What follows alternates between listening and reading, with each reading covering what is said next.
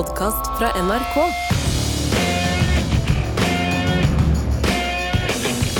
Velkommen til Trygdekontoret. Er det noe man er glad i å snakke om i Israel, så er det fortiden. I hvert fall eh, fremstår det sånn for, for meg, men i dag skal vi prøve å løfte blikket og snakke om Israels fremtid. Kan den nåværende konflikten føre til positiv endring, eller er det bare nok en voldseksplosjon som ikke går noe sted, eventuelt bare eskalerer?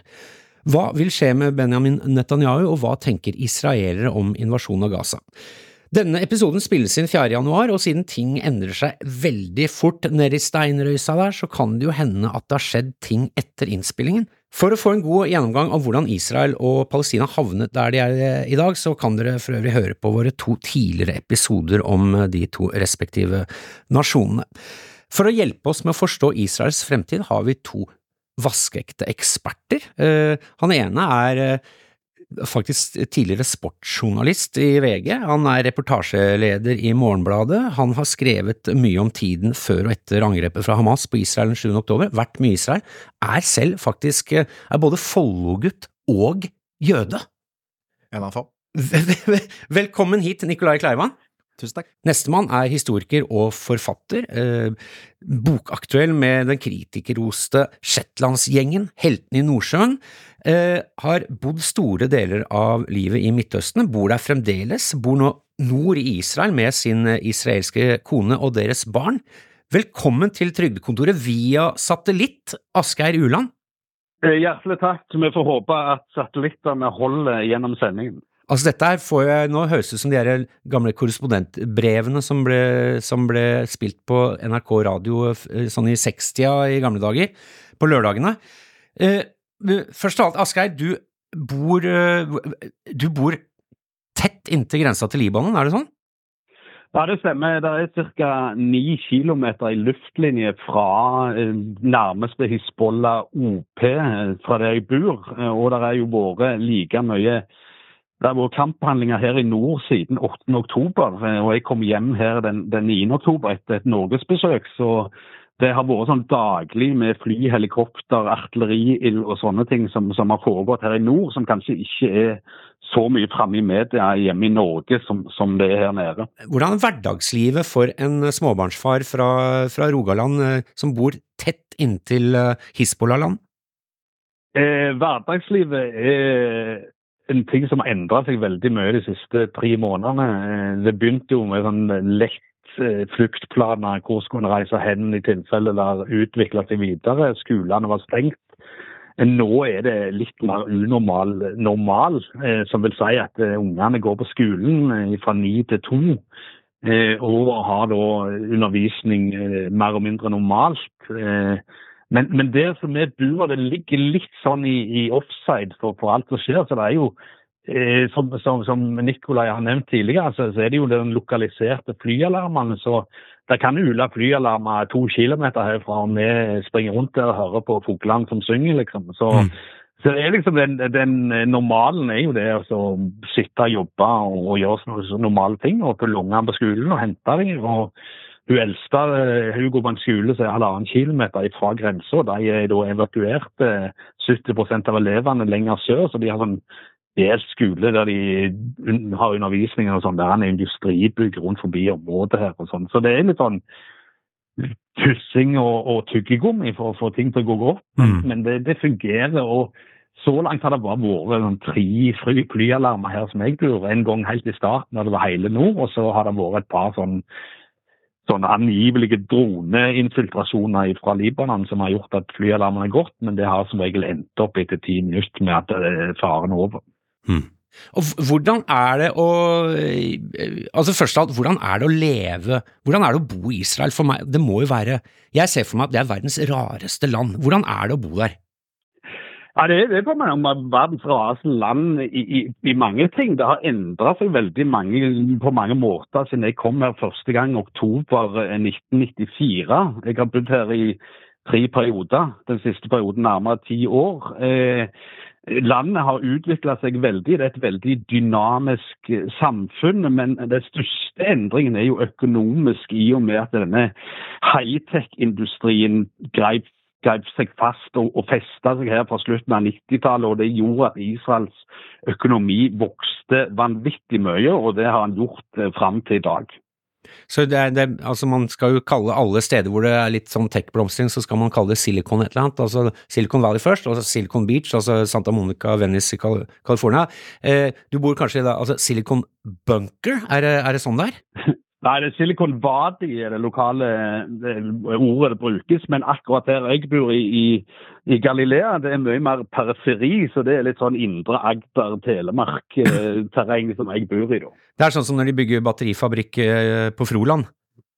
Ja, litt, litt sånn i den turen. Der, der er litt grann sånn, De vil satse på litt sånn landbruksteknologi og sånn, men det har ikke kommet i gang. Så det er litt sånn eh, ja, det er litt sånn baksiden av Israel, på en måte. Ja, ikke sant. Jeg har en israelsk kompis som driver og han utvikler droner som de, som de bruker for å sjekke av, altså tre, frukttrær som flyr over frukttrærne.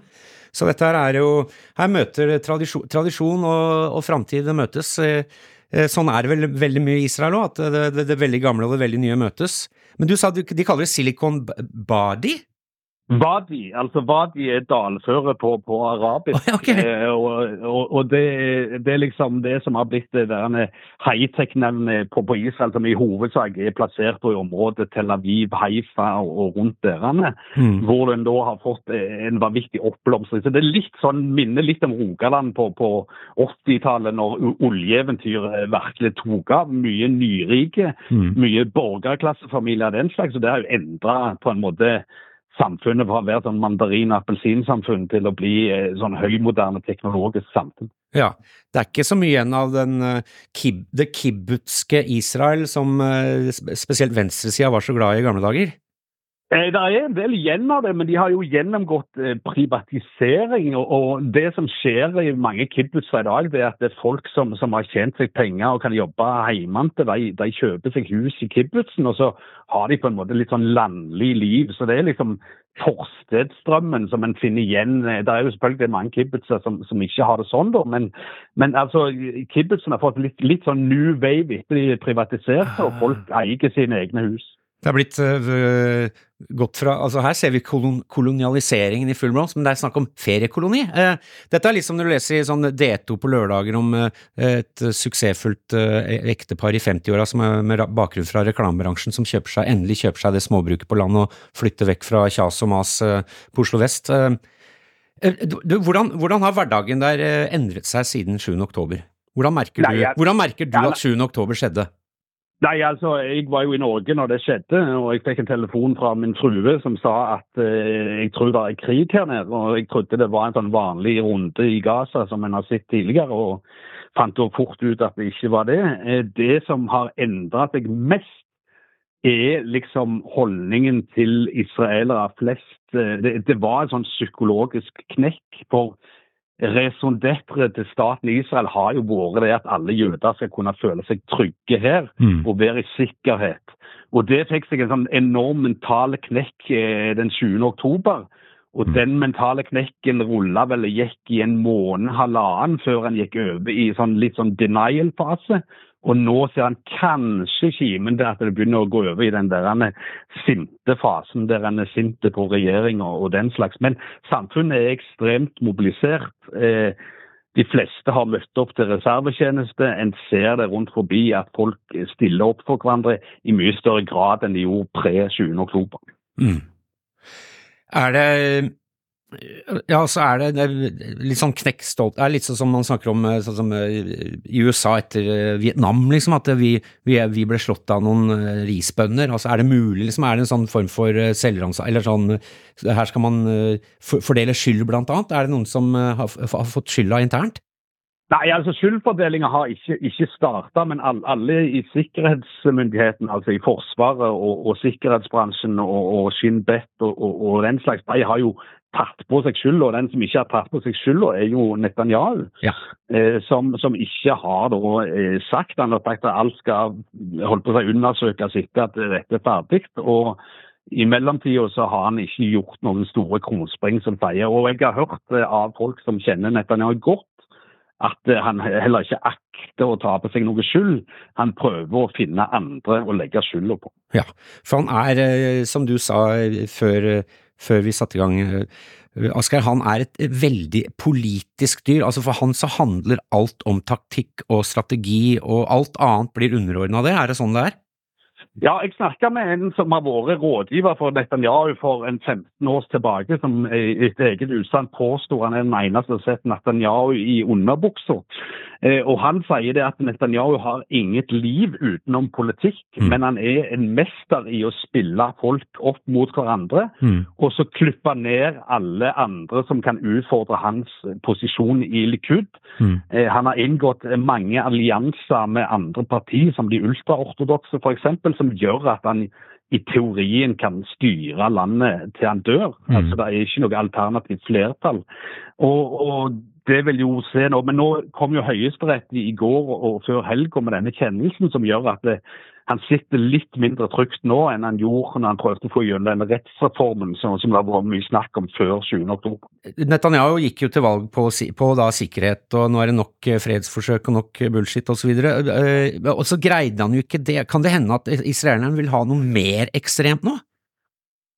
Jeg kan ikke se for meg at eh, den jevne israeler vil ha noe eh, mer ekstremt enn Netanyahu. Altså, De som er ekstreme, har på en måte fått de stemmene de kan få i sist valg. Mm. Altså, Da snakker du om Smutrich og Itamar Ben-Gvir, som er da på den religiøse, radikale høyresiden. Mm. Eh, Eh, de eh, tror jeg har liksom eh, fått ut sitt potensial. Jeg tror ikke de kommer til å tape mange stemmer når det eventuelt kommer et nytt valg. Men en ser jo at Likud og, og Netanyahus medarbeidere altså i meningsmålene faller som en stein. Så jeg tror nok helst det er Likud-partiet som vil lide av dette. Men dette med sikkerhet er veldig viktig for å forstå Israel òg. Altså, det er i hver en israelers bakhode så er det jo dette om å leve et trygt liv. Mm. Og Det har vært en kampanje hele veien, og selvfølgelig så krasja dette eh, veldig sterkt på 20.10, når den mest høyreradikale regjeringen det har vært noen gang,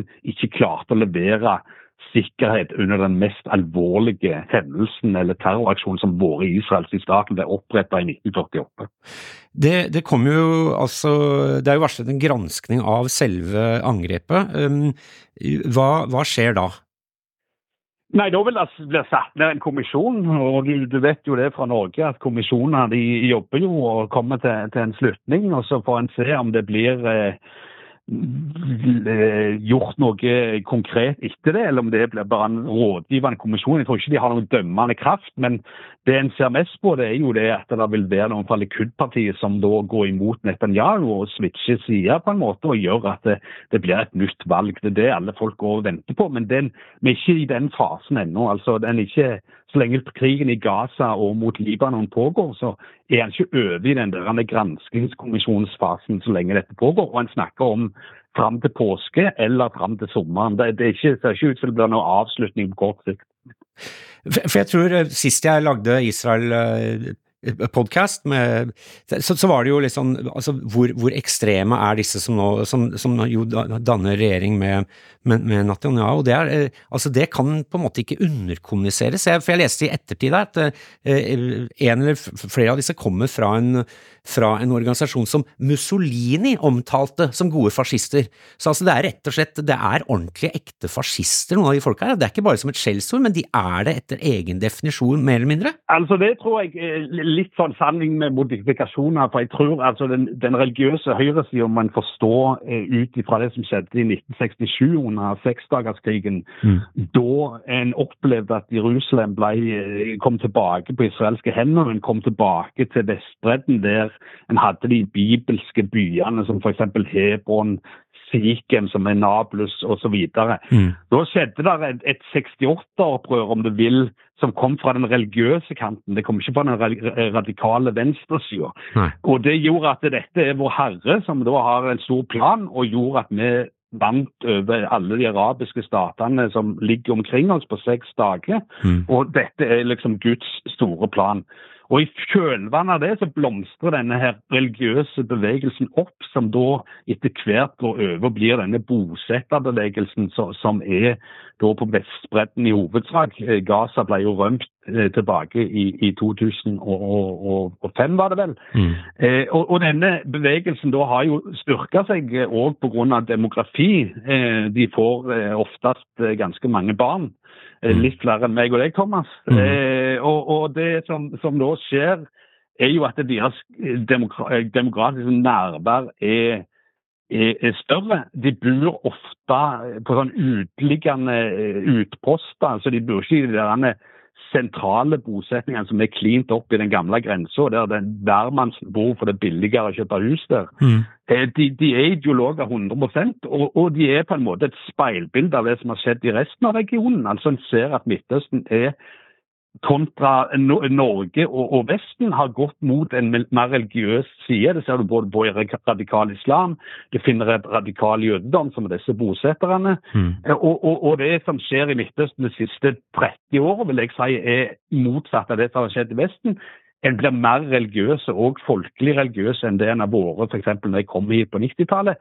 Da var det ikke så mye følelse av at folk var ekstremt religiøse. Altså Bosetterne var relativt få den gang, men, men i dag så er de mye større. Men allikevel, de får ikke mer enn de 10-12 mandater i Knesset som, som de oppnår. For de har ikke noe appell til folk som, som er helt vanlige israelere. Ja, for dette har jo du også snakka om, eh, Asker, at eh, eh, altså parallelt med at Israel har blitt et high-tech, virkelig sånn high-tech-land de luxe, så har det også samtidig blitt mer likt resten av Midtøsten. Ja, det, det er en observasjon som jeg har gjort, og det er det, det uskrevne essayet som jeg har om, om levantiniseringa av, av Israel. At det, en ser jo det, altså Flertallet av innbyggerne i Israel i dag, det må en- man forstå, flertallet i, i innbyggerne i Israel i dag har røtter i Nord-Afrika eller i Midtøstenland. Ja, Det er ikke, ikke folk fra, fra Europa, f.eks. Bare for å ta dette her kort. Eh, eh, Nikolai, kan ikke du eh, hvem, hvem er disse forskjellige gruppene? Bare kjapp innføring i hvem er israelerne? Eh, De er fremdeles en, en eh, veldig eh, mangfoldig gruppe, tror jeg, men, men det som Asker er inne på nå, er vel en sånn det klassiske, kanskje etniske skillet på de israelske jødene, da. Mm. Så du har det, det, det man kaller ashkenazi-jøder, som, er, som er de som kom fra familier som kom fra Europa, Mm. og som jo har nok historisk dominert eh, den politiske, kulturelle eliten i landet. Og det er de vi gjerne forbinder med Det er de som er eh, altså, det, er, liksom Sigmund Freud, Einstein Altså alle disse de som var Altså de vestlige jødene, kan vi si det sånn? Det kan vi si, men også altså, Ben Gurion og, og for så vidt Benjamin Netanyahu og, og en lang rekke av de viktigste Mm. israelske Det er den gamle eliten, Det er den gamle eliten, Ja. og, og til en viss grad også nåværende eliten. og vestlig, vestlig orientert. Vestlig orientert i Mm. mye større grad. eh, Hvis man skal generalisere, og det tror jeg er på en måte er den eneste måten å snakke om disse tingene på, Mm. så er de nok i litt større grad liberale Mm. enn det flertallet som Asker snakker om, som, um, som kommer fra familier fra Irak, eh, Marokko, Jemen. Dette er de Eh, såkalte mi... Misrahi er, er et, en, en typisk betegnelse på det der nede. Da. Mm. Um, og mange av de føler nok, og det er heller ikke sånn at det er så enkelt som å si at alle de er, er um, mindre liberale, men, men til en viss grad så er det en, uh, det er i hvert fall en trend. Mm. Um, og mange føler nok, uh, med rette, at, uh, at de helt fra starten av, altså helt fra 1948 og før det, er blitt utsatt for en del ydmykelser og, og forskjellsbehandling Mm. Mm. eh, fra denne europeiske eliten i landet. Men de vokser, altså de, de, demografi is destiny, som noen sa, altså de vokser, som Asgeir sier, og de får, de får mer barn enn en Asgeir og meg. Uh, så de begynner også å få, uh, ikke et slags flertall, men de begynner å få over, en form for overvekt, er det sånn? Ja, nå, da tror jeg det, altså, Dette handler også om den levantiviseringen, uh, var det begrepet? Bare ta, altså Levanten er altså et annet ord for For det vi kaller Midtøsten, Ja, eller i hvert fall denne delen av Midtøsten. mm. Um, og um, det, altså, det er jo mer i tråd med det at, eh, at landet generelt kanskje blir mindre, selv om det er veldig sånn underliggende i, i mange politiske, dype kom, politiske konflikter. Så, um, så i et sånt um, hundreårsperspektiv så vil det jo bli mindre igjen av uh, Europa, for eksempel. Og så Mm. er- ligger jo det landet der det ligger. Mm. Så det må bli en del av den regionen det, det ligger i.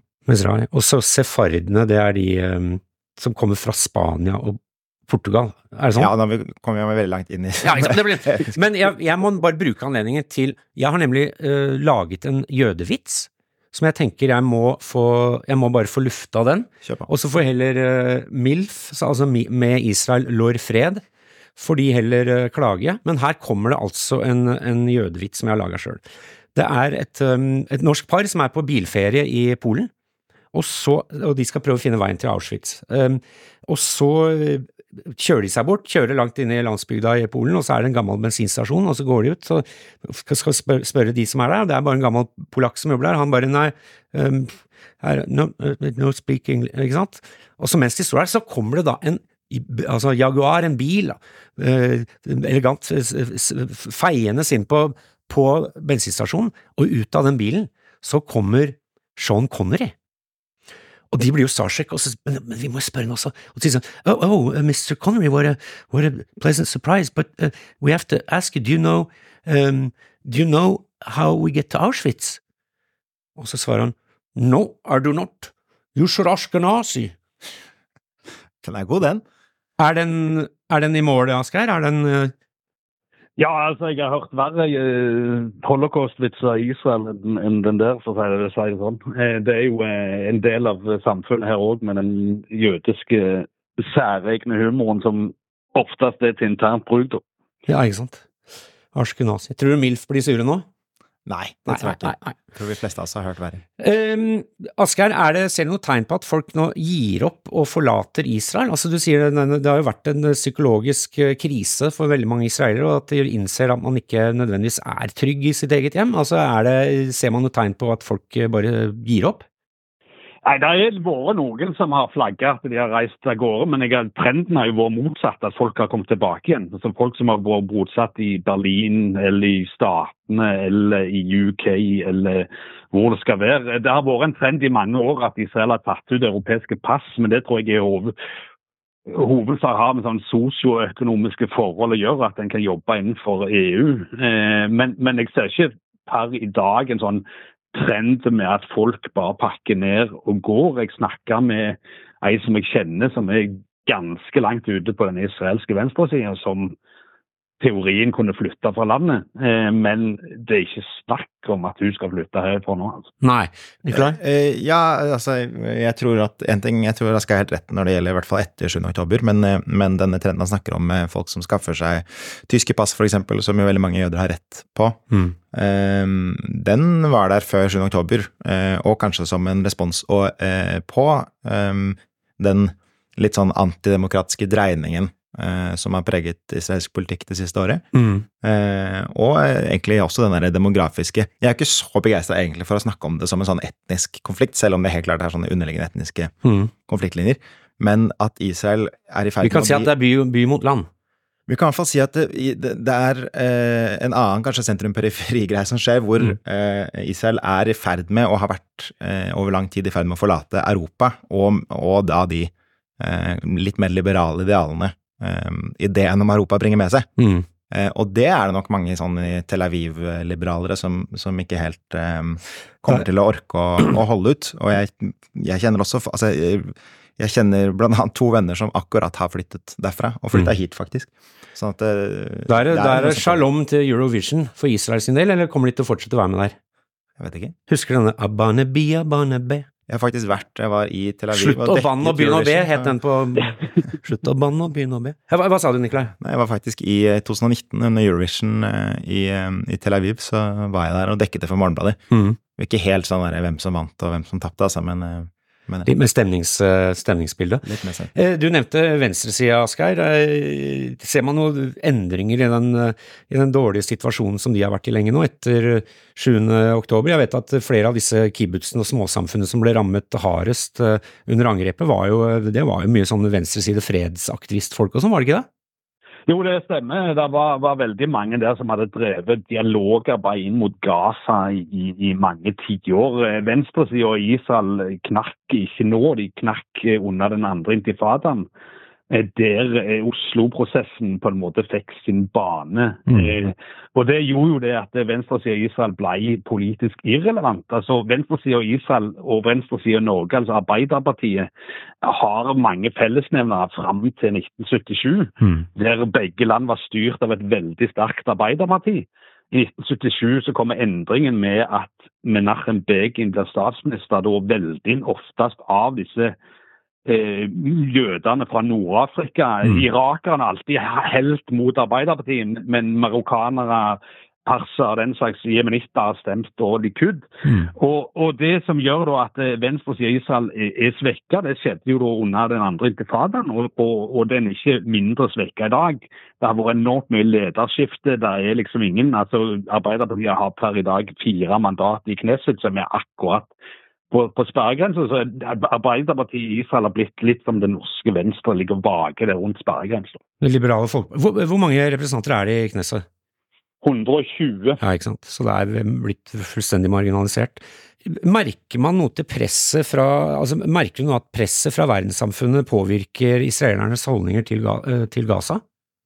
Eh, Det tror jeg ikke en merker så mye til, så lenge at litt andre hjemland eh, lar israelerne holde på.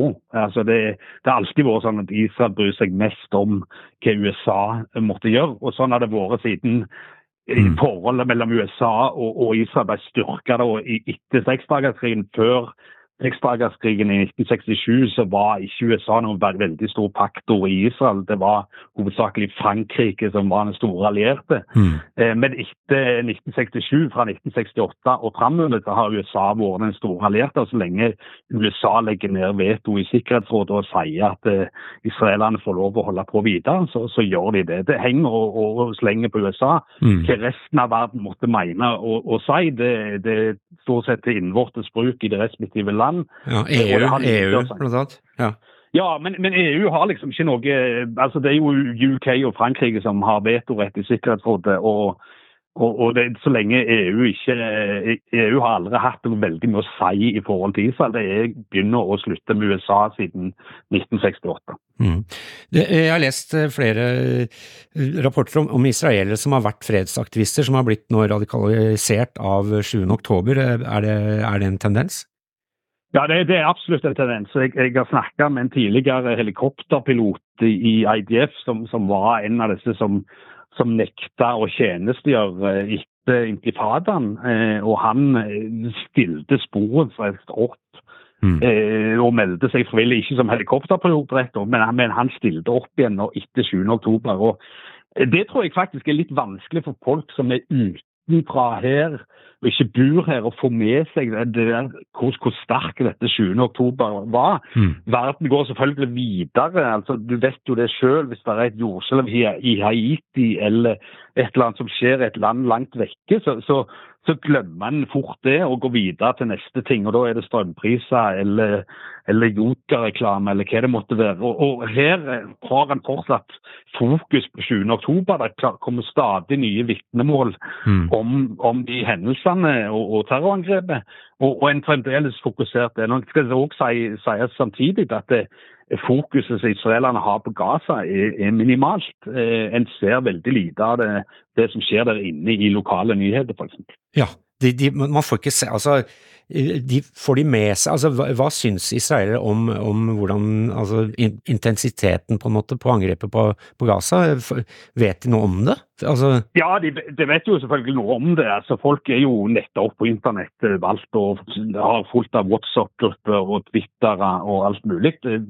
Trenden jeg ser og, og har hørt, det er jo at folk sier at eh, we have to finish the job, mer og mindre. Og, Mm. og, og det er trenden. Jeg har ikke hørt mange som har liksom ytra seg nå. Det er kanskje Gidon Levi, Aretz og et par andre som en vet er på den der han er litt langt ute til venstre, som har ytra noe stemmer. Men ellers er det nokså synging i kor, altså. mm, mm. Har dette prega Israels omdømme internasjonalt? Eh, ja, det er det vel ingen tvil om at det har. Ja. Eh, nå var vel ikke det omdømmet nødvendigvis det beste fra før av. Mm. Um, men, eh, men det er jo ingen tvil om at det, eh, både over tid, men, men spesielt nå, så har det, det, det kommer til syne en del sånne Kanskje man kan kalle det generasjonsskiller, eksempel i hvordan, unge amerikanere ser på det, Mm. ser på det landet. Mm. Eh, også unge amerikanske jøder. Mm. Eh, I Norge så har vi jo alltid vært, eh, eller ikke alltid, men, men vi har vært ganske lenge eh, eh, veldig kritiske til Israels fremferd. Mm. Men det er klart at nå er det jo kanskje mer massivt enn det har vært før. Mm. Um, og det samme gjelder i veldig mange andre europeiske land. Mm. Og så er det jo helt riktig som Asgeir sier, at det hva, hva Europa måtte mene Ja. eh, om dette her, det er, det er revnende likegyldig for eh, Det er USA som betyr noe her. Jeg, jeg, jeg skrev så en israeler med en T-skjorte hvor det sto Don't worry, America, Israel's got your back. Eh, altså, em, men vi ser jo samtidig den utviklingen du snakker om, Asgeir, fra 1967. altså Vi så, ser jo da em, hvordan da liksom folk som Nixon, eh, Bush senior, eh, Reagan til og med, altså de var, det, var, det var ikke sånn vi skal gi Israel carte blanche. Det var liksom, det, altså det var noen sånn motstand å få der, men den motstanden er jo borte nå fra i hvert fall ledelsen i begge amerikanske store partiene.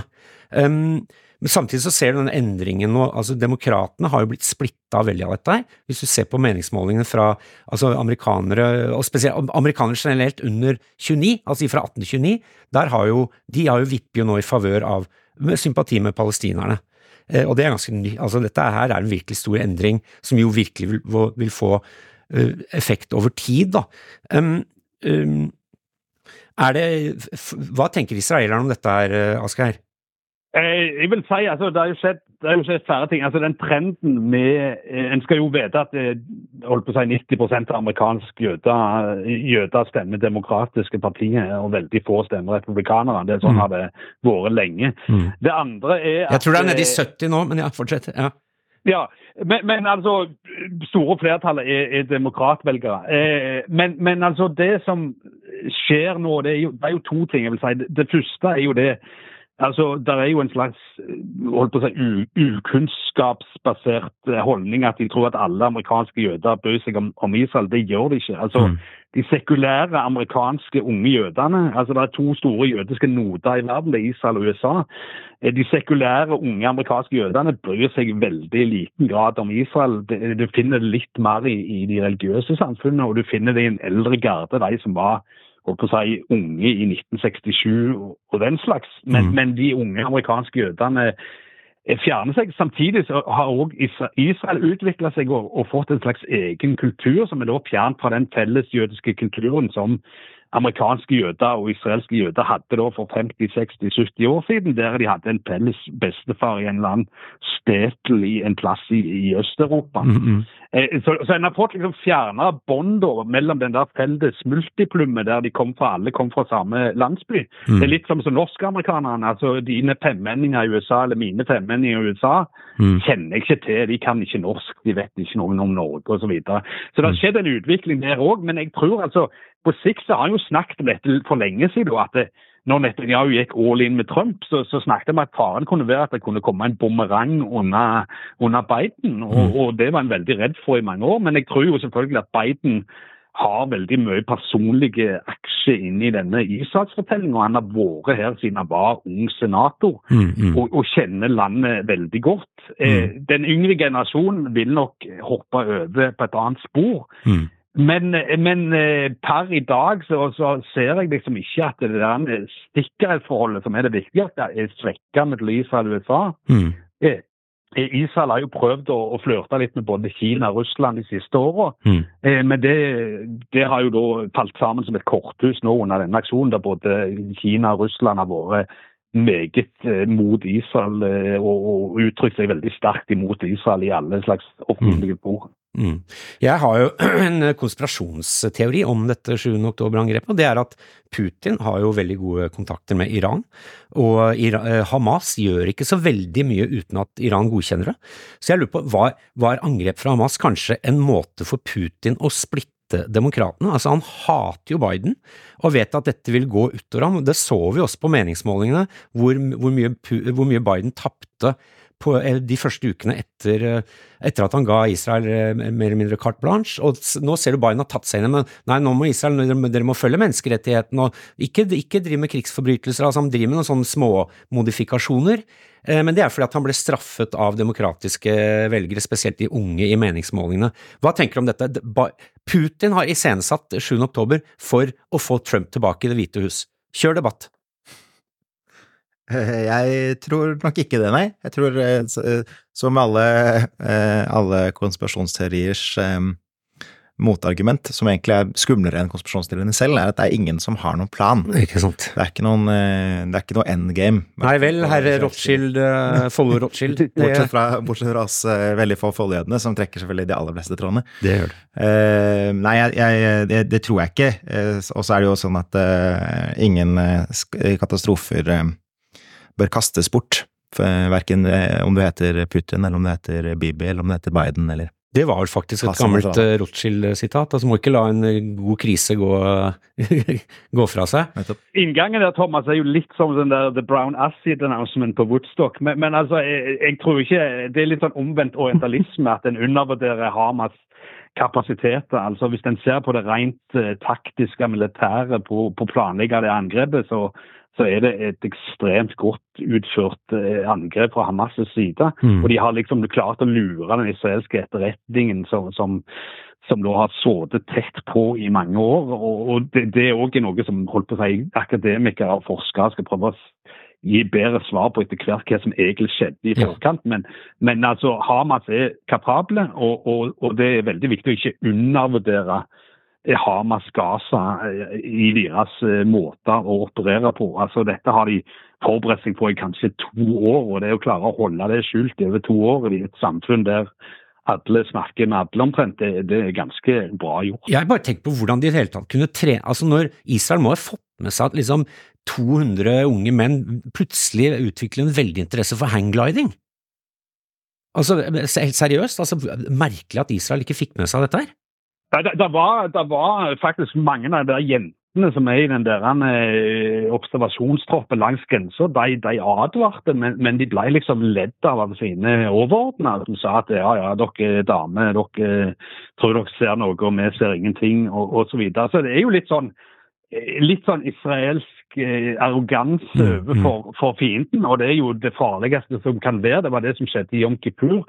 Arroganse overfor for fienden. Og, og, og, det jo, gjør jo det at det, resultatet blir jo katastrofalt. Men så er det òg utenfor all, all mulig eh, tanke. Altså, jeg snakket med folk som var med i det lokale vaktlaget på de kibbutzene rundt Gaza. og De har jo øvd på sånne scenario at det skulle komme to-tre mann over. Mm. Eh, og Da skulle de holde i ti minutter, et kvarter, før hæren skulle komme og, mm. og, og støtte dem. Men her satt de da i seks-sju timer uten at hæren kom. Ja, og der er jo en, en, Et aspekt av dette er jo at grunnen til at det ikke var noe hær der, var for at de var, eh, de var jo da eh, på Vestbredden for å passe på settlerne. Eh, der var det en religiøs høytid, blant annet. Har dette forandret holdningene til andre israelere mot disse settlerne på Vestbredden? Eh, jeg, jeg, tror ikke den der store oppvasken mot Zetland er, er, nå. altså De som har vært kritiske til Zetland før, er det fremdeles. Og, og eh, jeg tror altså det med hæren med, med Zetland, den, den, storyen der er litt sånn tveegga. For, for, det er noen som sier at det ble flytta over et par avdelinger. Men det som, som skjedde da, det var jo at eh, det, var òg folk til stede som, som, brukte veldig lang tid til å komme seg inn i, i kampsonen. Så så det er jo veldig mye sånn logistikkspørsmål òg, hva mm. som skjedde da på den 20. oktober. Så, men det at de flytta folk, for det var, det var, liksom indikatorer på at det kom til å dra seg til under høytida på Vestbredden, og en flytta angivelig over en, en, en, eh, bataljon til Vestbredden. Men, men, men altså, den, den regninga er ikke fullstendig oppgjort ennå. Mm. Uh, Nikolai, du, eh, jeg, du skrev en veldig artik eh, interessant artikkel eh, fra Israel om, om, disse beduinene som lever da sør i Israel, altså arabiske beduiner, men som da er presumptivt israelere, som var med å forsvare kibbutzen, altså som, som da grep til våpen mot, mot Hamas, mm. og så fikk de ikke noe særlig kred for det etterpå. Eh, nei, fra noen fikk de nok, eh, nok kred, men de Altså, dette var Jeg var eh, nede i i det som man altså kaller Gata-området, eller Sør-Israel, Negev eller Nakab-ørkenen, hvor jo mange av de beboerne som bor der, mye av det er jo sånn IDF-treningsområder og sånn, mm. men det finnes en del både anerkjente og uanerkjente beduinlandsbyer. Mm. Jeg forbinder Negev med atom, utvikling av atomvåpen. De har en sånn, Var det der nede han, han som whistlebloweren holdt på? Ja, stemmer. Det er litt, litt lenger uh, sør igjen, faktisk. Men, han, Atomingeniøren som gikk ut og advarte mot at Israel drev med atomvåpen. Ok, fortsett. Og der, altså, de menneskene som bor der, de mener sikkert mye ulikt og mye forskjellig. Noen kaller seg palestinere, andre kaller seg arabere, andre kaller seg kanskje den stammen de opprinnelig tilhørte, osv. Mm. men de lever, mange av de, i en sånn litt sånn merkelig mellomrolle i det israelske samfunnet fra før av. Mm.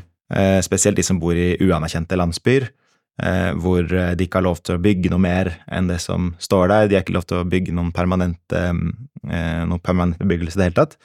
Eh, og de kan stadig risikere at, eh, at Fordi de er altså arabere? Ja, for, altså det er Ja, det er det korte svaret på det. Men, mm -hmm. men det er klart det, det, er litt mer komplisert. Men, men da 7. oktober kom, så ble jo de også i aller høyeste grad rammet av angrepet til å begynne med. Blant annet så er det jo ikke sånn som hvis man er i Tel Aviv Jeg var i Tel Aviv nylig nå, så var det veldig mange rakettangrep fra Gaza. Der er det jo eh, både eh, et veldig eh, høyteknologisk velutviklet alarmsystem, mm. som gir deg en, en ganske lokal indikasjon på hvor raketten kommer. Mm.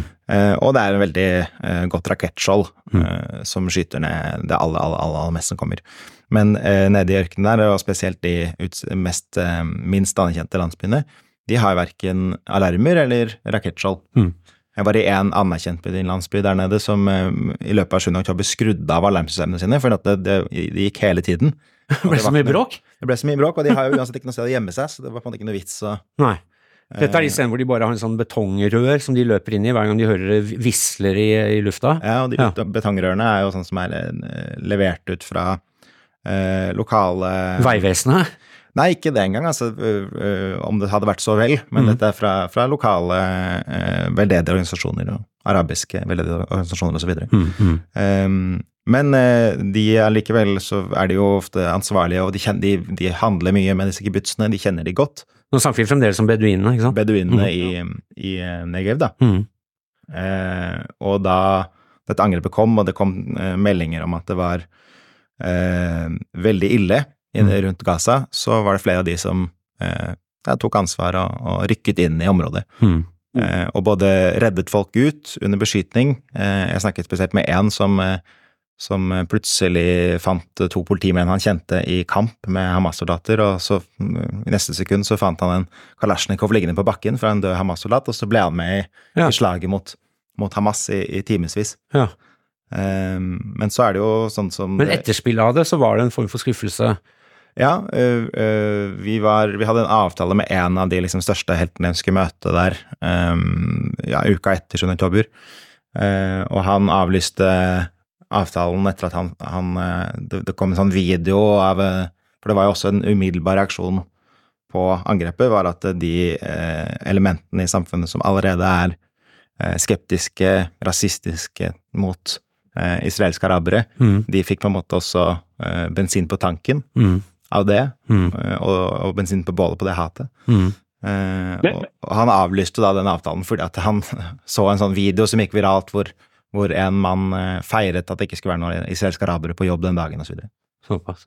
Asgeir? Men, men, det er jo eh, altså det, det, det, det, beduinske samfunnet i Israel i, i sør jeg, jeg, Der bor beduiner her nede for meg i nord òg, eh, som er litt eh, Det som er litt interessant med beduinene ofte, er jo de er jo på en sånn blanding. altså De er jo nomader per, per se. Eh, og, og, mange av deres familier, f.eks., så er holdt på å si, søstrene til Ismail Haniya, som er en av lederne for Hamas. Hun er gift inn i en beduinfamilie i Gaza, eh, nei, i Negev f.eks. Altså, mm. Det er noen sånn koblinger der som, som, er ganske interessante. og at mange av beduinene òg tjenestegjør som soldater i, i IDF, spesielt i sånn sporingsavdelinger der de følger spor osv. Så, videre. så, mm. så det er en sånn der rar kombi med beduinene. Beduinene i Israel er jo en sånn en Ja, det er jo sånn story som, som veldig få får tak i. Og, og, de som bor her oppe i nord, de er veldig tungt involvert i organisert eh, kriminalitet, bl.a. Men de har òg drevet og stjålet kveg her oppe i Nord-Galilea, den samme klanen siden turkerne styrte her på 1880-tallet. Ja, sånn kveg. så, så det, skjer, det, skjer, liksom noe sånn hele veien med beduinene. det er liksom òg de der vanlige eh, arabiske innbyggerne som bor i byer, de, de ser ikke veldig opp til, til beduinene så, som fer rundt og holder på med musikk. Ja, det er liksom villfolk, det er hillbillies? Ja, det, det, er litt sånn hillbillies. Altså, mm. her, det var, det kom, det var kommunen, Sist kommunevalg for fem år siden nedi her, så var det feil kandidat som vant. og Da endte det opp med at de skjøt opp hele rådhuset, liksom, fordi at feil, feil mann hadde vunnet valget. Det kom Boogaloo Boys uh, iført på, på, på, kameler, ja. Um, jeg tenker på, uh, Asgeir, du som er helt inntil Libanon nå, altså nå har det jo skjedd man, altså Kommer Hizbollah Eh, bare, bare, bare ta det kort, Hizbollah er da altså den uh, milits, eller skal vi si terrorgruppa som da er uh, i Libanon, som da er sponset av Syria, ikke minst, og også Israel, nei, også Iran, unnskyld. nå ble nylig en av deres ledere drept. ser du en eskalering der nå? Altså Det var vel en Hamas-leder som ble drept, som bodde i, inni i, i Hizbollah-området i, ja, ja. i, i, sør, sør i Beirut. For de samarbeider, ikke sant? Ja, de samarbeider, og de har samarbeidet mer og mindre tett siden 1992 under denne famøse utvisningen av 104 eh, eller noe sånt Hamas-leder fra Gaza til Sør-Libanon. Mm. Eh, det som, som, eh, har skjedd eh, de siste dagene, er jo det at eh, Hizbollah siden starten så har jo Hassan Nasrallah, som er den som legger ned eh, føringene, da på ordre fra Quds-styrken til iranerne, sagt at eh, han ikke ble varsla i forkant av denne aksjonen 20.10. Det verifiserte, verifiserte mye sånn historie om lignende hendelser som 20.10. i nord tilbake tre-fire år i tid. At det var et scenario som en så på oppe i nord. Mm. Eh, men, men, jeg tror ikke den eskaleringa blir Per i dag så, så, tror jeg ikke iranerne er villige til, til å ofre Hizbollah for, for, eh, for Hamas. Mm. Eh, det gjør jo det at trumfkortet til iranerne som, som iranerne har mot Israel, som er i Hizbollah, vil forsvinne om det skulle bli en storkrig i nord. og det, det, kan jeg ikke se at iranerne er interessert i per i dag. Mm, mm. Asgeir, hva er det vi i Norge ikke forstår om, eh, om den israelske reaksjonen på terrorangrepene 7.10? Eh, jeg tror ikke en forstår psykologien i det hele. Altså, dette er jo knekk i hele det sionistiske prosjektet. Altså, etter andre verdenskrig så sa europeerne aldri mer krig, mens Europas jøder sa aldri mer offer. Mm. Og det, det, det, var det som fikk en knekk den 20. oktober. Altså, Israel vil klare seg som samfunn. Det, det truer ikke eksistensen til staten Israel, det som skjedde, men psykologisk gjorde det noe med forholdene.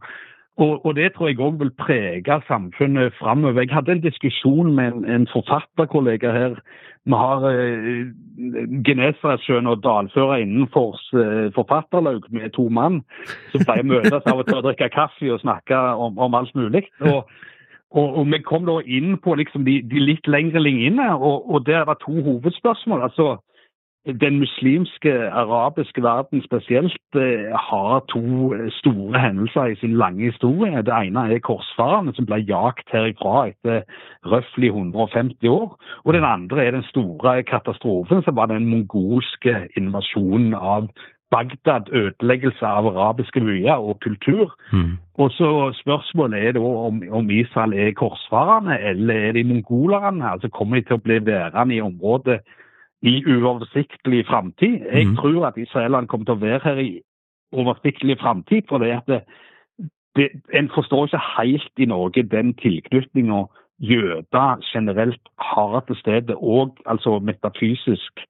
eh, som, som, mange jøder har til Israel. Det, det er liksom det er der hele jødedommen og historien oppstår mer og mindre. Mm. Og en forstår ikke hvor sterk dette er. Samtidig som en òg ikke forstår det israelske samfunnet innad. For det ofteste så leser en om, om det israelske samfunnet, så er det må det ha noe tilsvarende om noen palestinere. og det, det, forklarer ikke det israelske samfunnet. Det er på en måte et utviklingsland mot et toppmoderne land. og Jeg tror ikke folk flest er klar over den store dynamikken som finnes i dette samfunnet. Det gjør det Mm. interessant å leve her, for du vet aldri hva du våkner opp til Mhm. dagen etterpå. og Det skjer så mye endringer hele veien i samfunnet. og jeg får si det For en egen del så fikk jeg en oppvåkning av å bo her nord i, i, i Galilea på landsbygda, der jeg så på en måte et mer eh, tradisjonelt eh, Israel enn det jeg var vant med fra universitetsmiljøet i Jerusalem og, og den slags. Altså Du ser andre folk og lære lærer på en måte andre sider av samfunnet og, kjenne det. Litt som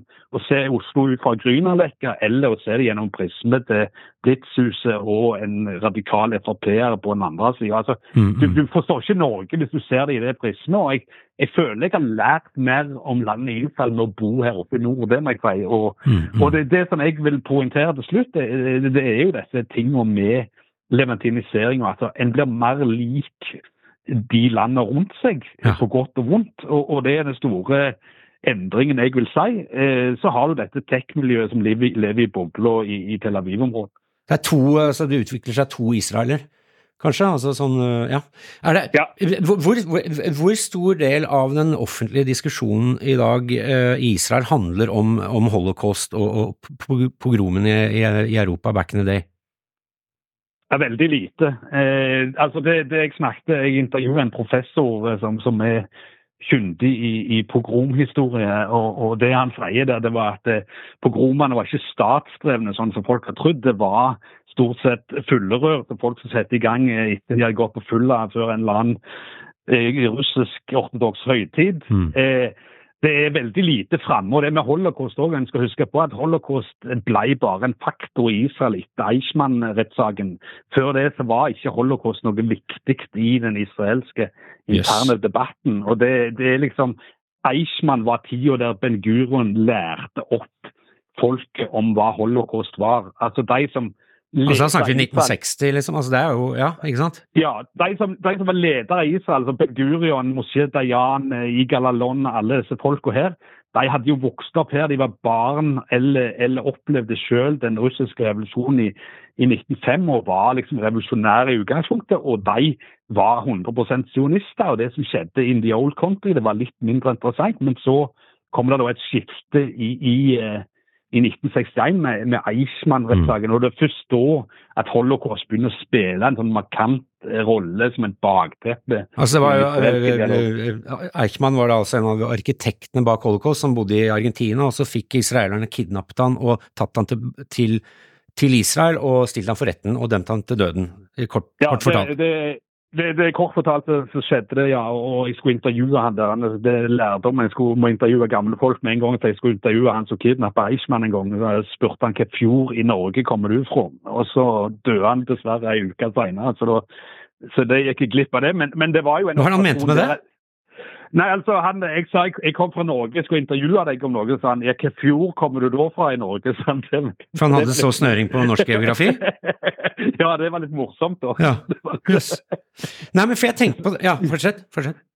Nei, altså, også, så, så det er liksom veldig viktig. Men, men i dag så tror jeg den yngre generasjonen altså det, det skjer med all historie. Jeg er historiker. altså To generasjoner så er sånne opplevelser mye sterkere enn når du kommer over på tredje-fjerde generasjon. Mm. Så blir det langt tilbake i tid. Ja. Eh, Det er akkurat som, som vi har begynt å få et mindre nært forhold til andre verdenskrig. Eh, De som vokser opp eh, etter meg, eh, eller hvis du tar et enda lengre eksempel, altså det er veldig få av oss som tenker om nøden på Sørlandet med Terje Vigen rodde til Danmark for å hente korn under Mm. napoleonskrigen. Mm. Altså Det blir fjerna i historien, Mm. men det lever selvfølgelig sterkere inni de jødiske samfunnene rundt forbi i verden enn det vil gjøre nødvendigvis eh, i, i de ikke-jødiske samfunnene. Men, men altså, minnet i, i jødedommen er veldig sterkt. Altså, Du har jo dette med ødeleggelsene av første og andre tempel. Du har massakre på jøder i middelalderen under korstogene f.eks. i Europa og, og, og den slags, som, som på en måte lever mye mer levende enn en det som ikke-jøder har med dette. her. eh, Glem det som har skjedd før deg, nå bor vi i drabantby. Liksom. Nei, for jeg, jeg kom til å tenke på det, for jeg ble obs på liksom hvor sterke disse spenningene er internt eh, mellom disse gruppene i Israel, for jeg så en av disse, en uh, Mizrahi, eh, profilert Mizrahi, som hadde, som hadde tvitra, tror jeg, eller sagt at uh, ja, Hitler drepte seks millioner askenazier, måtte han, det var synd at han ikke kunne drepe seks millioner til. Og da skjønte jeg wow, nå, nå er det litt, eh, det er litt spent, det er litt dårlig stemning internt i Israel. Det var faktisk på, det var en, eh, en motdemonstrasjon mot eh, en av disse demokratidemonstrasjonene Ja. i sommer, vel. En litt sånn derre klovnete Likud Ja, som sånn- faenskapsgiver. Rabulist. Som, eh, rabulist, ja. Mm. Som, eh, som sa det der veldig sjokkerende. Og, og det er jo kanskje først og fremst en påminnelse om at, eh, om at Israels forhold til holocaust er eh, ekstremt merkelig. Ja. Eh, for ikke sånn som vi har det her i Europa, eksempel. Mm. Eh, og selvfølgelig også det at det er eh, Også der så gjør de derre eh, ja, de underliggende etniske spenningene seg, seg gjeldende. At eh, holocaust var noe som kanskje først og fremst rammet eh, Ashkenazien uansett. Ja, de kom seg ikke til Bagdad, eh, nazistene. Eh, tenk på noe dere, dere begge to har vært inne på, hvordan eh, israelsk kultur er i ferd med å bli noe mer sånn eget og mer midtøstensk, vekk fra det, det vestlige eh, ashkenazi-dominerte. Jeg har hørt flere eh, jødiske komikere i USA snakke om at for altså, Den vestlige, moderne kom komedien er jo veldig jødisk preget, altså ikke minst den amerikanske. da. Men at når du ser komisketsjer i dag fra israelsk TV og sånn, det er ikke morsomt. Så at de har liksom mista båndet til den gamle, klassiske eh, Ashkenazi-humoren, da. At nå er det liksom de andre folka, underforstått, da, som driver med jødisk humor, funker ikke. Ja, det, det er faktisk interessant, Thomas. for Jeg intervjua en, en komiker om det for ja, 15 år siden. eh, Som, som var da lagde, de lagde en ganske bra sånn intern eh, sånn der, en eh, humorserie som, som, som ledde av alt i samfunnet. altså Litt sånn KLM-aktig. at Mm. Alt var lov. Men, men, men den der jødiske, klassiske humoren som, som du etterlyser og snakker om, den, den, den fins av en eller annen merkelig grunn mer hos de nyreligiøse og, og ortodokse jødene. Oh, ja. Som man ikke nødvendigvis snakker så mye med, som man ikke hører så mye av. ja. Men det er der den faktisk lever videre, med den der gode gamle Stetel-humoren, som da er basisen for Lenny Bruce eller Ja, altså det som ble altså vestlig Sadovic, eller hvem det måtte være, som, som er liksom sånne som tar det utover. Men, men det er liksom Det, det, det tok- aldri noe feste her, den der den klassiske. For, det, for Israel var jo der. altså Det er et veldig berømt sitat fra ei bok av, av eh, eh, som ble skrevet her på 50-tallet, som sier at Alik ble født av havet. Altså Det var den nye israelske jøden. Han skulle ikke ha noen fortid, han skulle ikke ha noe bånd til det som kom før. De skulle bygge opp en ny stat fra, fra bunnen av. Og, Mm. og da kvitta han seg med den stetelhumoren. Han kvitta seg mer med jiddishen osv. Altså, Man kvittet seg med en del av den urbane kulturen, for den nye, is den nye israeleren skulle jo være soldatbonde, ikke sant? Sånn at det skulle ikke være Brooklyn eh, og Bronx og Nei, men det, det er jo Ja. søskenbarn reiser til Bronx, og han, han reiser på kibbutz. sant? Og så møtes de om, om 50 år senere. Altså, Ja. Da hadde det gått litt for, gått for andre der søskenbarn i Bronx, og så krangler de for det. Liksom. Så det, det er litt sånn eh, Vel, For det er jo eh, litt morsomt, eh, fordi de som har sett Dirty Dancing, det handler jo om en jødisk feriekoloni i Catskills-fjellene eh, altså i New York State. Eh, Og det var jo der, på, på disse jødiske feriehjemmene oppe i fjellene der, at moderne standup ble utvikla, også roasting. Altså veldig mye av det som er moderne ja, ja, det borstbelt. Altså mye av det som er moderne vestlig humor i dag, kommer fra disse her eh, jødiske feriekoloniene oppe i fjellene her. Sommer, sommer, sommerferiestedene. ok, um, vi må eh, begynne å se lyset i enden av en eh, eventuelt, eventuelt lys i enden av tunnelen her. Um, eh, hv- hva tror, begynner med deg, Asgeir, hva tror du konsekvensen blir på, på sikt av, av 7. oktober, og det som skjedde, har skjedd etterpå? Nei, det, det handler veldig mye om hva signal eh, den om, omkringliggende arabiske, eh, islamske verden tar av det som skjer den 7. oktober. Altså, ser de det som, et, som en måte å kunne angripe Israel videre på, eller er konsekvensene av Gaza-invasjonen så harde og, og, og fryktsomme at de holder seg vekke? Jeg ser ikke at det, det blir noen løsning på Israel-Palestina-konflikten i 10-15 års perspektiv. Det tror jeg blir sånn litt sånn frys fram og tilbake. Men jeg tror den der med en tilnærming som det er med den gulfarabiske verden, kommer til å fortsette. Eh, jeg tror eh, Israel som nasjon kommer til å, bestå, men jeg tror det blir eh, videre konflikt. Og det som jeg hører rundt forbi av folk fra hele det politiske spekteret, er det der med at det, du skal for alltid leve med sverdet i din hånd. Og det tror jeg ikke kommer til å endre seg dramatisk de neste 10-15 årene. Hva tror du kommer til å skje med Gaza? Er det en plan der? Nei, jeg tror ikke det er noen plan for dagen etterpå. Eh, altså Planen per i dag er, er de der nesten uoppnåelige målene om å bekjempe Hamas. Altså Du klarer ikke å bekjempe ideologi og, og få frigitt de kidnapper. Det tror jeg ikke kommer til å skje. I, det blir ikke noe Tebbe 2 i Gaza. Eh, men, men, jeg tror ikke det er noen stor plan eh, dagen etter. Altså en Tebbe hvor da israelske styrker frigjorde gisler fra en flyplass i Uganda? Som var holdt ja, på et kapra fly? Ja, og det ser ikke igjen. Men, men jeg, tror, jeg, tror, det henger veldig mye om, om etterspillet som en ikke er inne i ennå, om hvem som blir politisk leder i Israel i året som kommer. Spørsmålet er om det er videre i den samme retning, mer levantinisering, eller om du får en slags ristart med folk som har holdt seg vekke fra politikk tidligere, som, som nå trør tilbake igjen. Det er det som er det store spørsmålet som må svares på. Og jeg har ikke noe gitte svar på de to utgangene der. Nikolai, hva tror du blir konsekvensene? Eh, jeg tror det er, det er, helt umulig å si, eh, dessverre. Jeg, ehm, jeg, tror at ehm, Jeg er ikke så kynisk anlagt. Jeg tror liksom at det, det må skje noe nytt eh, nå. Mm. Vi er fortsatt på en måte i en sånn evig 7. oktober. Eh, oktober, oktober, oktober, oktober. Mm. Parafrasere en dansk dikter ved navn Henrik Nordbrandt. Eh, Eh, og det kommer til å vare en god stund til mm. før man på en måte får en eh, dag etter. Mm. Eh, og når den dagen etter kommer, så det, det, er veldig mye i denne krigen som på en måte skal avklares først, og, og hvordan det går, har, kommer til å ha mye å si. Mm. men det, vi kommer ikke tilbake til det som heter det som man kaller Netanyahu-doktrinen. Det tror jeg virkelig ikke. Mm. Jeg tror ikke at den, det på en måte magiske trikset til Netanyahu, mm. eh, som har preget hele hans politiske karriere og gitt han veldig mye suksess, som er det at man kan bare late som om palestinerne ikke eksisterer, og at det ikke er et problem for det israelske samfunnet, mm. og at man kan holde okkupasjonen gående um, uten at det vil få dype konsekvenser for det israelske samfunnet også. Mm.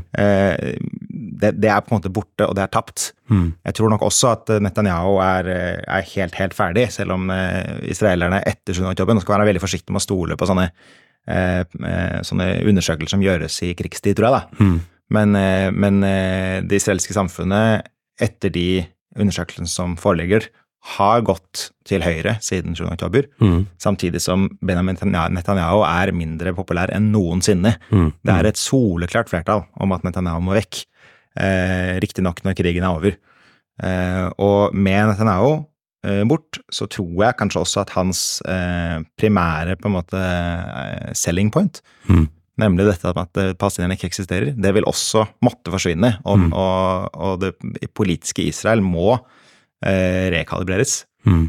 Eh, så det blir veldig, veldig interessant å se hva det innebærer for f.eks. en fredsprosess, som jo har vært ikke-eksisterende i, i, 20 år. Eh, jeg tror man, man får definitivt et nytt Høyre. Mm. Vi var litt inne på det i stad. Uh, kommer uh, Har liksom disse ja, fascistene, da, som du kalte dem, som jeg mm. mener er en korrekt betegnelse. Mm. har de mer å gå på? Kan de bli større enn de er? Mm. Kanskje, kanskje ikke. Det nye Høyre vil liksom, det, det, tror jeg vil bestå av de, altså av Bengvir, Smotrich, de religiøse sionistene og jødisk kraft. Og kanskje noen elementer i Likud som, som står på den gamle doktrinen. Mm. Eh, men vi vil også få et nytt sentrum, hvor Benny Gantz, som jo nå har gått inn i, eh, inn i koalisjonsregjeringen, eller inn i den krigskoalisjonen, mm. vil nok være den viktigste skikkelsen. Han får kanskje med seg Yair Lapid fra Yershatid, som, som er tidligere statsminister, og som også er en markant skikkelse. Men hva er deres program? Er det å opprettholde Jeg tror jo kanskje det eksempel er å kalle tilbake en del av de mest eh, ytterligboende bosetterne fra, fra Vestbredden, og så eh, også et nytt hardt program med liksom segregering og murer og høyteknologi og alt det der. Mm.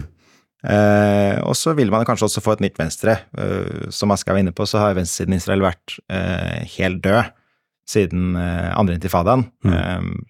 og nå, sist valg, så, så var det jo ja, Arbeiderpartiet holdt seg på sperregrensen, mens Meretz, som hadde vært et annet sånn mindre venstreparti, forsvant helt ut. Mm. Der har ledelsen gått av. Men der også vil det skje noe, tror jeg. Altså, man må, man må komme med et eller annet program som svarer ut Kom et er... pogrom, si. Nei, det sa du ikke, Nikolai. Man må men, få slutt på pogromene. Det men det er, et, det er et begrep som har blitt relansert, mener jeg å ha registrert, som man ikke har hørt av, som man har hørt at dette er dødt. Det har man fått høre en stund nå. Tostatsløsningen, den ser vi nå begynner å vise seg igjen. Det ordet begynner å vise seg igjen, det begrepet. Er det en Hva, hva tenker du om, Asgeir, er, er det en mulighet nå? Ja, jeg, jeg, mener jo at enstatsløsning er jo ikke noe alternativ. Altså, da har du jo et Bosnia-scenario gående i Israel òg. Og det, det, det, er ingen israelere som vil ha en union med, med palestinerne på Vestbredden og Gaza. Det, ja, Nå snakker vi om enstat, altså ja, altså ja. enstat, tostatsløsninger har jo vært målet hele veien. altså mm. Hvilken form den eventuelle tostatsløsningen Biden pusher jo på nå for at det skal bli noe sånn dagen etterpå at det, det palestinske selvstyremyndigheten skal ta, ta, kontroll igjen i Gaza osv. En skal skape en dialog videre. Men altså, det, det skjer jo mye på den palestinske sida òg. Altså, lederskapet der, altså, som Mohammed Abbas, er jo, er jo veldig gammel. Og, og, og, det er en maktkamp hvem som tar over etter han, og, og hvilken retning de vil gå. men jeg har ikke tro på at det blir noe annet på sikt enn en slags tostatsløsning. Altså mm. i hva slags forbann og form og sånne ting det kommer, det vet jeg ikke. Men det har jo vært Netanyahu sitt, sitt på en måte spill, dette her. At det, han, han, har holdt på å si spilt Hamas og selvstyremyndighetene opp mot hverandre, og, og, på en måte klart å drive det som han har kalt for, for, for eh, styring av konflikten i, 20 år eh, pluss eh, nå. Ja, ikke sant? Blant annet ved å støtte Hamas. Altså, altså, Det er jo splitt og hersk, ja, ikke sant? Eller, mm. eller, eller la qatarerne, som, som, som har finansiert mye av Qatar, eh, Hamas, gi de penger for at de skulle holde seg i ro, og så hadde det blitt en hvilepute, og så fikk mm. han den bumerangen i, i trynet 20. Mm. oktober. Mm. Ja, eh, Nikolai, tostatsløsning, er er, er, er det den veien det går? Det er, det, jeg kan ikke være så optimistisk og si at det går den veien nå, men, mm. men, en løsning må det jo på et eller annet tidspunkt uh, komme. Det er ikke sånn at en av befolkningene bare kommer til å dra vekk. Mm. Det, begge befolkninger kommer til å, å, bli boende. Begge nasjonene kommer til å eksistere, enten de har internasjonalt anerkjente grenser eller ikke. og da er det bare tostatsløsningen som er tro, troverdig, da. Mm. Selv om det, mange mener den er er død, og har vært død i mange år, så er det dette det hellige land. Det, Hvis det da er noen palestinere igjen, da. Altså, eh, det, altså de skyves jo sørover i, i Gaza, og, der, og så bommer man jo der også. Altså, er, er, målet til Israel nå å bare kvitte seg Altså, er det et, er det et folkemord, dette her? Altså, er det om å gjøre å bare bli kvitt palestinerne, i hvert fall i den enden av området, en gang for alle? Altså, de, de, ikke, de kommer seg ikke inn i Egypt. Altså, hva, hva skjer der, Asgeir?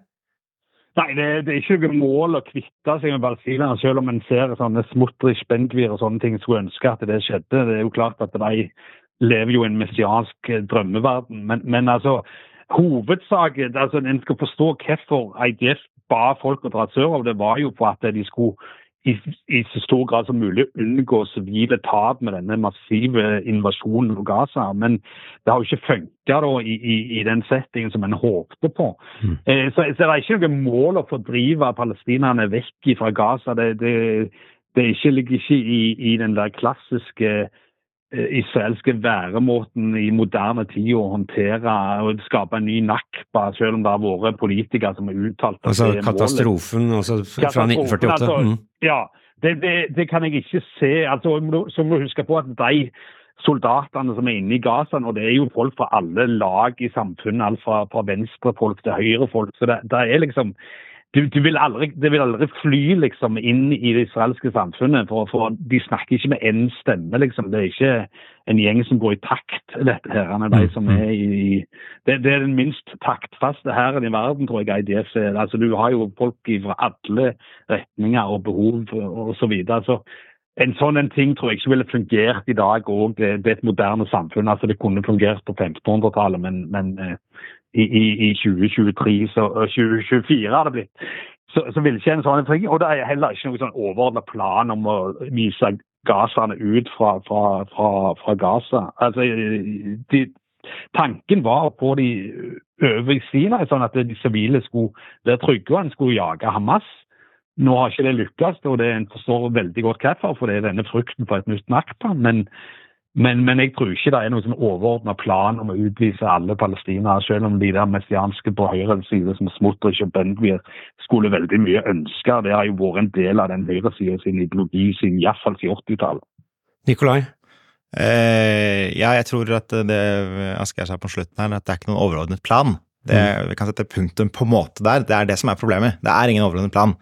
Eh, og så syns jeg ikke man skal avfeie helt at eh, Smotrich og Ben-Gvir og flere med dem, blant annet også i Likud, åpent fantaserer om etnisk rensning på Gaza. Det, det, er jo ingen tvil om at, at, de gjør, for det første. Og for det andre så er det ikke, selv om de er ekstremister og har for så vidt marginal støtte i samfunnet for øvrig, så sitter de nå i ganske viktige posisjoner. Og og holder heller ikke like lav profil som de gjorde helt i starten av krigen. Eh, sånn at uh, dette er, det er snakk om ministre med mye makt mm.